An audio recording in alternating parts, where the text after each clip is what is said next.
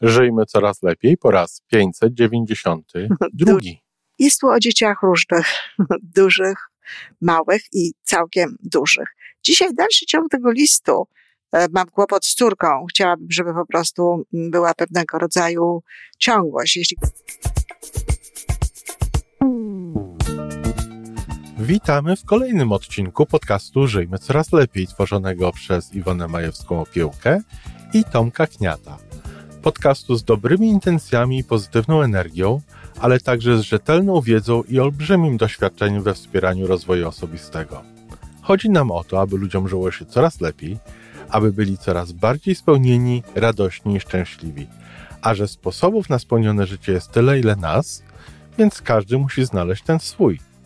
A teraz już zapraszam do wysłuchania kolejnego odcinka. Dzień dobry, kochani rodzice. Skoro mówię kochani rodzice, to wiadomo, że audycja sobotnia, która jest nie tylko dla rodziców przeznaczona tak naprawdę, ale myślę, że no, rodzice mogą z tego po prostu więcej wyciągnąć, e, jakichś wniosków, przeżyć jakiejś refleksji w związku z własnymi e, dziećmi.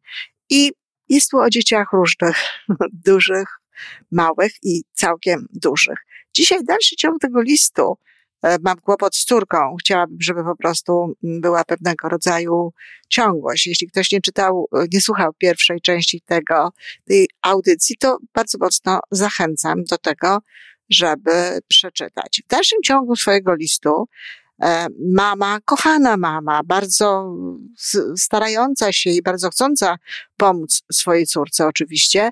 Natomiast no, pokazuje ten list po to, żeby, żeby zwrócić uwagę, w jaki sposób patrzymy na tę rzeczywistość, w jaki sposób ją pojmujemy, jak bardzo jesteśmy skoncentrowani w tym momencie no, na tym, co my czujemy, na tym, jak my wiemy, co my wiemy o życiu i tak dalej.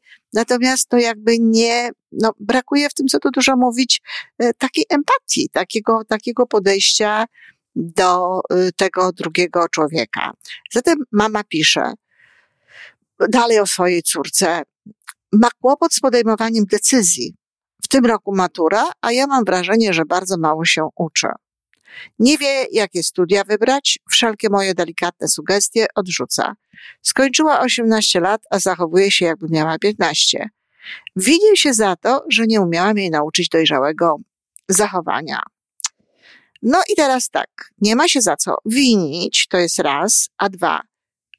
Wszystkie mamusie i wszyscy tatusiowie, bardzo proszę, przypomnijcie sobie, czy jak mieliście 18 lat, to byliście dojrzali.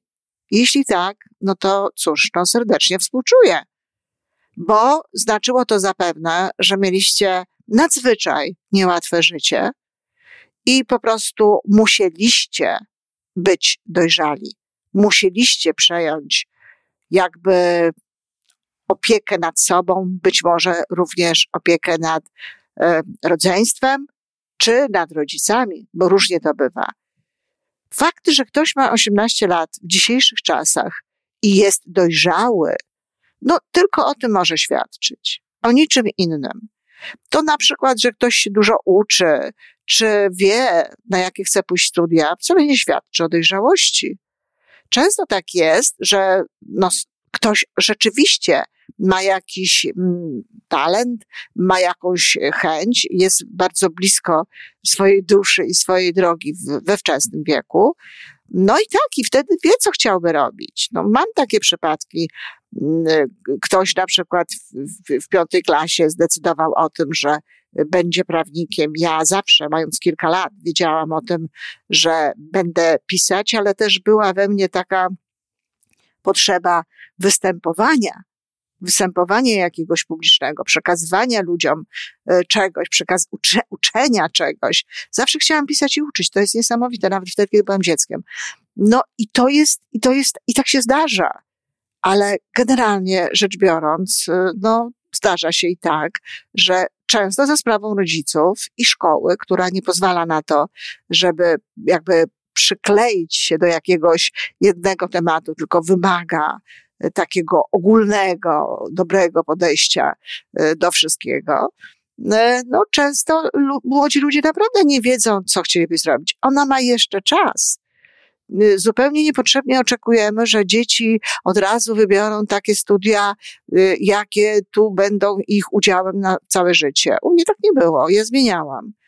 E, I dobrze, są ludzie, którzy zostawiają studia nawet po trzech latach i zaczynają robić coś innego. Są ludzie, którzy zostawiają e, studia skończone łącznie z doktoratem i robią coś innego. Przykładem takim jest moja młodsza córka. To jest, to jest życie. My robimy pewne rzeczy, dokonujemy jakichś wyborów, które nam się wydają w tym momencie najlepsze, no a potem się okazuje, że jest inaczej. Zupełnie niepotrzebnie, że mama daje delikatne sugestie. A po co? Dziecko, jeśli dziecko odrzuca delikatne sugestie rodziców, to znaczy, że albo ma dość sugestii delikatnych i właśnie czuje się za bardzo e, zaopiekowane, czy, no, pozwólmy sobie na to słowo, czy kontrolowane. I w związku z tym najlepiej dziecko zostawić. To jest jej sprawa, to jest jej życie, to są jej studia.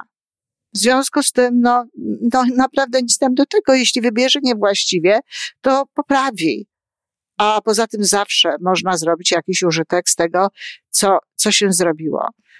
Mama ma wrażenie, że ona się bardzo mało uczy. No ja niewielu znam takich rodziców, którzy by mieli takie wrażenie, że dzieci uczą się mm, dużo albo nawet za dużo. Są, są, nie powiem, że nie ma. Y, są też dzieci, które potrafią świetne wrażenie sprawiać, że się uczą dużo, a wcale się nie uczą. Także są różnego rodzaju sytuacje. Poza tym uczyć nie trzeba się dużo, tylko się trzeba uczyć tyle, ile to jest potrzebne. I może akurat tej dziewczynie nie potrzeba jakoś bardzo się uczyć. Dlaczego my tak uważamy, że, że, że właśnie tak trzeba się uczyć, że tak mocno trzeba do tego podchodzić? Kochani, przesadzamy z nauką. Przesadzamy z nauką od samego początku i przesadzamy z nią później to naprawdę nie jest najważniejsza sprawa na świecie.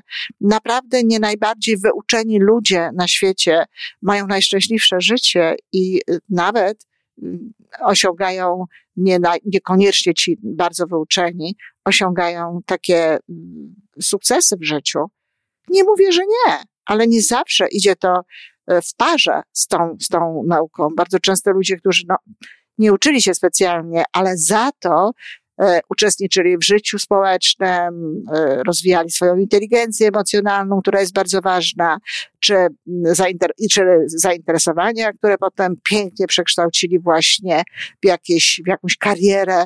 Bardzo często tacy ludzie odnoszą sukcesy, a na pewno tacy ludzie, którzy są blisko swojego serca i blisko tego, co, co, co, co jest w nim, co chcieliby robić, no, są najszczęśliwsi. Dlatego jest to no, bardzo ważne, żeby tak może jednak spokojniej popatrzeć na tę naukę naszych dzieci. Mama mówi, że córka ma kłopot z podejmowaniem decyzji. Nie wiem, musiałabym zobaczyć, co, y, y, jak to wygląda, ale sądząc z tego listu i sądząc właśnie z tej takiej troski matczynej, no bardzo możliwe, że po prostu mama podejmowała zbyt wiele decyzji za córkę. I w związku z tym teraz te, te jej decyzje, no, są, e, no, nie jest jej tak łatwo tego podjąć, bo nie jest do tego przywykła, nie przywykła do tego, nie, nie, nie, nie, nie miała takiej możliwości ćwiczenia tego podejmowania decyzji. Bardzo często dzieci, które są, no, z tak zwanych, umówmy się, do, dobrych domów, cokolwiek by to miało znaczyć, ale bardzo często te dzieci, które są objęte taką opieką, taką świadomą opieką, a nie, a nie świadomą w tym sensie, że rozumieją jakby, ich, ich, ich świadomość jest na najwyższym poziomie i rozumie jakby więcej, no to powoduje, to właśnie traktują swoje dzieci w taki sposób, że nie stwarzają im za wiele możliwości wyboru. A jeśli te możliwości są, to one są takie pozorne. To czy to, to czy tamto, prawda? A jeśli, jeśli dzieci mają taką możliwość, no to wtedy y, to uczą się tego, uczą się tego. Jest też tak, że są różne temperamenty i czasami są takie osoby, które w ogóle podejmują decyzje wolniej. Być może jest tak, że mama jest osobą, która podejmuje decyzje szybko, ma ten rodzaj osobowości. No i w związku z tym to, że dziewczyna podejmuje je wolniej, no wydaje się mamie dziwne. Ale proszę się rozejrzeć, kochana mamusiu, dookoła i zobaczyć, że ludzie bardzo różnie podejmują decyzje. I czasami właśnie trwa to długo. Historia pokazuje, że tak, lepiej jest podejmować decyzje szybciej, że to jest zdecydowanie lepsze. No ale to mówię, żeby, żeby ktoś mógł to robić, to też trzeba mu pomóc tym, no, nie podejmując tych decyzji jakby za niego, bo to jest dość istotna sprawa. O tym zresztą będę mówiła, kiedy będę podpowiadać, jak od samego początku uczyć dzieci proaktywnych zachowań, bo podejmowanie decyzji no, ma sporo y, w związku z proaktywnością, ma też związek z poczuciem własnej wartości, z wiarą w to, że te decyzje, które będziemy podejmować, będą, będą dobre. Zatem, no, żeby dzieci podejmowały te dobre decyzje, czy w ogóle ludzie, to z jednej strony, no właśnie, to poczucie własnej wartości musi stać za nimi. Z drugiej strony muszą proaktywnie umieć podejść w ogóle do tego wyboru, zdawać sobie sprawę z tego, że mogą wybierać, że mają prawo wybierać, że to jest e, jakby no, ich przywilej, a z drugiej strony też no, muszą mieć takie właśnie środowisko, które pozwala im na dokonywanie tych wyborów, na ćwiczenie się w nich. A zatem, podsumowując, 18-letnie dzieci, generalnie rzecz biorąc, nie są jeszcze dojrzałe, tak jak sobie to wyobrażamy. To, ile się ktoś uczy, to nie jest e, związane jakby z efektami potem e, tego zawsze, tego, co robi. E, czasem nie ma po prostu potrzeby dużo się uczyć. Poza tym to ona ma wiedzieć, czy ona się uczy dobrze, czy wystarczająco dużo, czy, czy nie, a nie mama. Co do studiów, często nie wiadomo, jakie studia się chce wybrać, może w ogóle nie chce wybierać studiów, może w ogóle inny jest jej e, pomysł i to też jest dobrze. I wreszcie ostatnia rzecz, a jeśli by nawet nie zdała matury, to co? Nic takiego się nie dzieje. Y, to, w jaki sposób my w Polsce stawiamy właśnie, e, na, nie wiem, na, na jakimś w ogóle piedestale, albo uważamy to za coś niezwykle ważnego, czy dziecko zda od razu maturę, czy jakiś inny egzamin. A jeśli nie zda tej matury od razu, to będzie miała rok czasu na to, żeby na przykład dojrzewać, czy na przykład e, decydować się, czy więcej wiedzieć o życiu, co chciałaby wybrać. Zatem nic się nie dzieje. Nauka jest ważna, ale nie jest najważniejsza.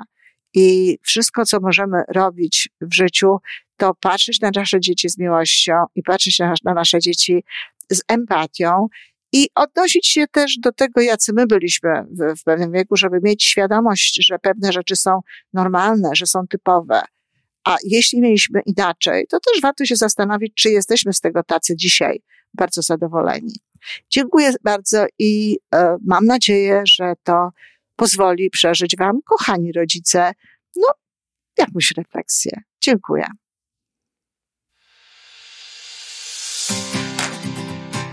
I to wszystko na dzisiaj.